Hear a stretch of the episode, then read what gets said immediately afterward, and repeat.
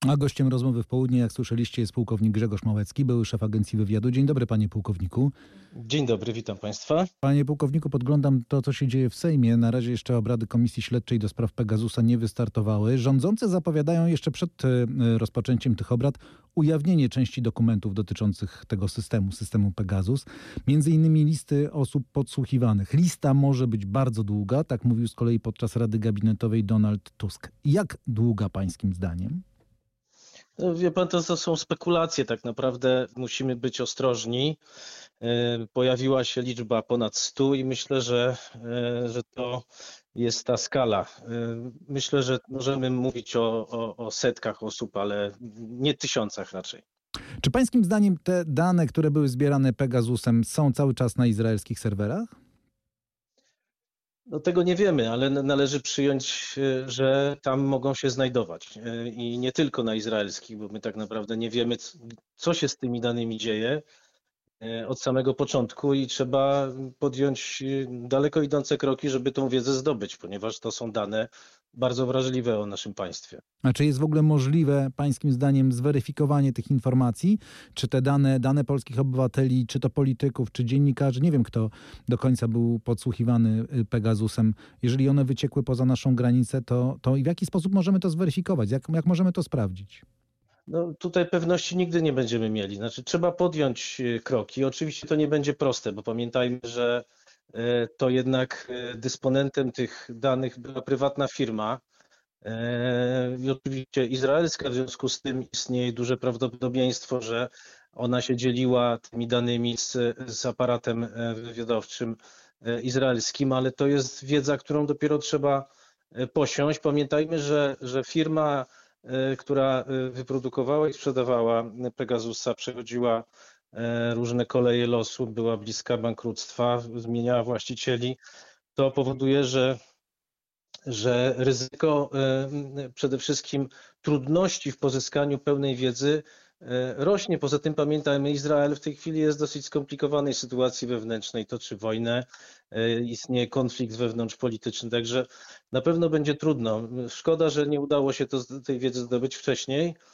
E, kiedy pracę prowadziła Komisja Senacka do spraw Pegasusa. Dzisiaj na pewno będzie trudniej, ale myślę, że w, e, jeśli nie bezpośrednio Izraelczycy, to być może też inni partnerzy mogą nam pomóc e, w wywarciu jakiejś, jakiejś formy presji. A pan powiedział o tym, że nie tylko na izraelskich serwerach mogą być te dane, to znaczy o czym pan jeszcze myślał?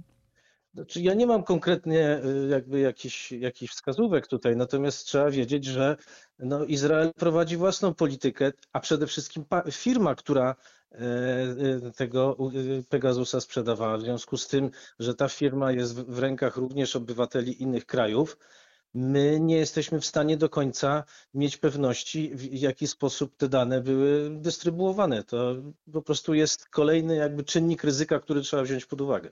Ja pytam o to dlatego, że e, no, gdy rozmawiamy o Pegasusie, często padają takie e, informacje czy zapowiedzi, że to jest przekroczenie uprawnień, że to jest używanie niedozwolonej e, techniki operacyjnej. A czy w tym kontekście, jeżeli dane są, dane polskich obywateli są poza ich granicami albo przesłane zostały poza ich granicami, możemy mówić o szpiegostwie? Danych to jeszcze szpiegostwem podejrzewam nie jest. Natomiast e, pod tym kątem trzeba byłoby również badać, czy te informacje, te dane nie zostały przez kogoś e, pozyskane i w jakim celu mogły być wykorzystane, bo jeśli zostały wykorzystane w celu prowadzenia działalności wywiadowczej, wówczas mielibyśmy do czynienia ze szpiegostwem. Panie pułkowniku, tak na zdrowy rozsądek, po co zagranicznym służbom polskie, y, dane polskich obywateli czasami y, no wydaje się takie mające bardzo krajowe znaczenie, a nie, a nie mające żadnego wielkiego wpływu da, y, na, na to, co się dzieje za granicą, czy też, nie wiem, wydaje się, nie, wydają się nieistotne dla, dla służb specjalnych dalekich krajów, chociażby takich jak Izrael. No, Izrael nie jest dalekim krajem, z całą pewnością jest państwem, które jest bardzo ściśle związane z interesami E, europejskimi, również z interesami Polski. Absolutnie wiedza, jaką e, mogły e, służby izraelskie pozyskiwać na temat wewnętrznej sytuacji Polski, na temat procesów decyzyjnych, natomiast na temat personalnych zależności, relacji pomiędzy członkami władzy, ta wiedza jest bezcenna. To jest wiedza, jaką, o jaką zabijają się wszystkie służby świata. Oczywiście najbardziej ona jest atrakcyjna dla tych państw, które mają interesy w tym regionie i z całą pewnością Izrael do nich również należy, ponieważ trzeba pamiętać, że to może być również narzędzie tego rodzaju wiedza na, do wywierania wpływu na określone decyzje określonych polityków, które z kolei w sprawach, których, które są istotne z punktu widzenia interesów Izraela. To jest, to jest bardzo złożony mechanizm i wzajemne powiązania, także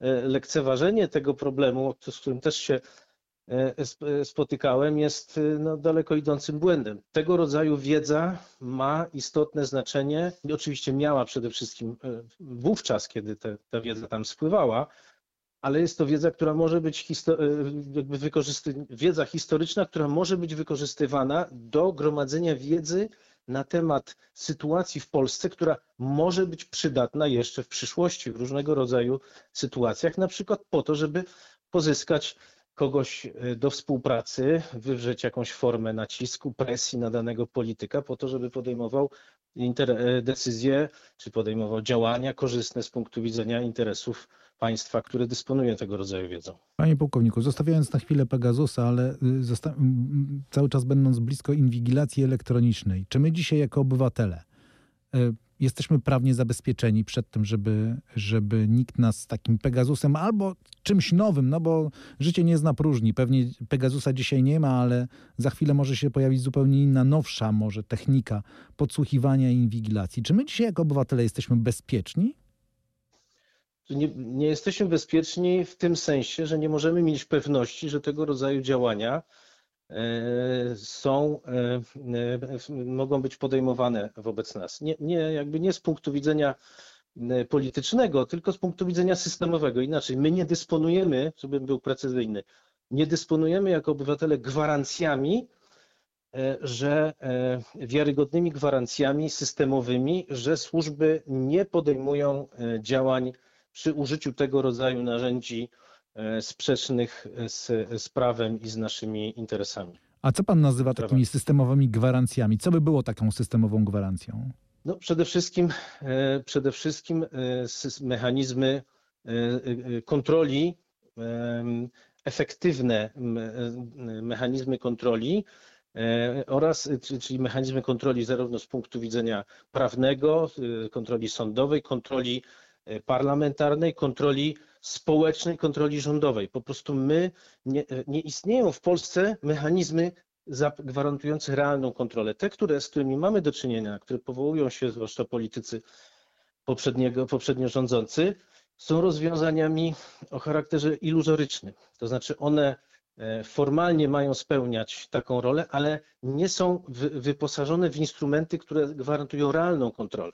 Ale niech mi pan da jakiś tutaj... przykład, panie pułkowniku. Tak, tak, już mówię. To, to jest głośna sprawa, o której mówiliśmy o tych kontrolach e, sędziowskich, tak? To znaczy sądowych, że e, przedstawiciele rządu PiSu bronili się, twierdząc, że na te wszystkie e, podsłuchy Pegasusem były zgody sądowe.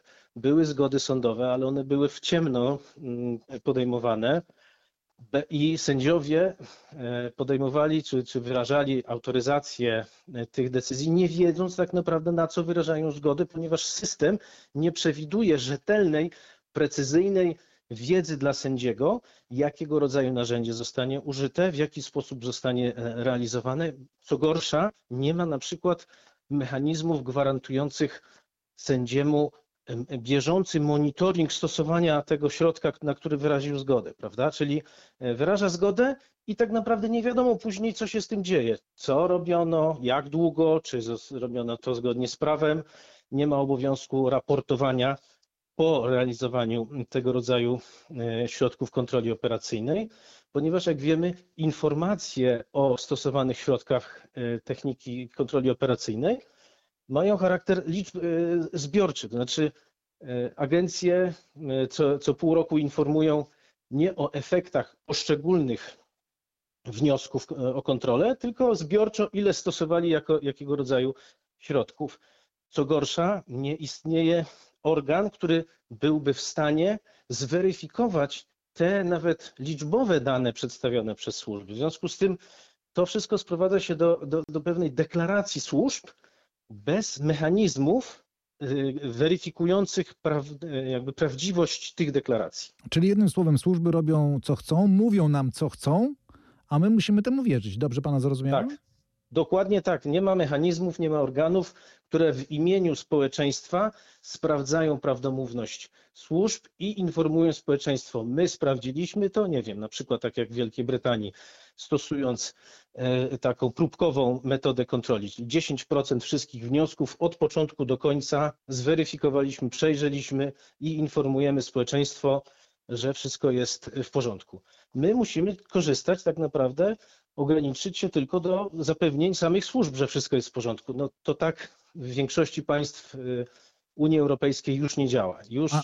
większość tych państw ma takie organy, które dają tą gwarancję. Ale to nie jest choroba, która się pojawiła, panie pułkowniku, w 2015 roku. Nie, nie, nie, nie. To jest zaniedbanie wieloletnie. Ja sam już od 10 co najmniej lat apeluję o zajęcie się tym problemem i niestety dotychczas no, żadna z sił politycznych nie powa na poważnie nie potraktowała tej kwestii. Jedynym tak naprawdę e, działaniem, pomysłem, inicjatywą, jaką mieliśmy, e, taką publiczną, z jaką mieliśmy do czynienia, to był raport powstały pod auspicjami Rzecznika Praw Obywatelskich, wówczas Adama Bodnara, pod tytułem, sformułowanie takiego raportu pod tytułem Osiodłać Pegaza, który z kolei zawierał właśnie koncepcję utworzenia organu, urzędu, komisji, która by mhm. weryfikowała e, te e, działania służb takiego organu niezależnego od rządu, od parlamentu. A czy pan potrafi powiedzieć dlaczego? Dlaczego nie ma zgody w klasie politycznej, żeby to zrobić?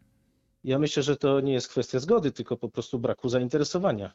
I ja tego nie rozumiem, bo ja sam wielokrotnie, na, pamiętam w 2019 roku na e, Kongresie Praw e, Obywatelskich e, zorganizowanym przez Rzecznika Praw Obywatelskich brałem udział w, debacie, w panelu z byłym ministrem Jackiem Cichockim, który dzisiaj jest szefem Kancelarii Sejmu. Także świadomość w elitach politycznych tego problemu istnieje. Natomiast już wtedy mówiłem, że najlepszym pomysłem jest, aby, aby to opozycja przygotowała, czy partie, które są w opozycji, przygotowały koncepcje, które będą stosowały przede wszystkim wobec siebie. Bo problemem jest to, że żadna władza sprawująca, czy żadne ugrupowanie sprawujące władzę nie jest, przynajmniej tak historia pokazuje ostatnich 30 parę lat, zainteresowane nakładaniem sobie kagańca e, i ograniczeń, które będą stanowiły jakby ramy działania danego rządu. Wydaje mi się, że no czas y,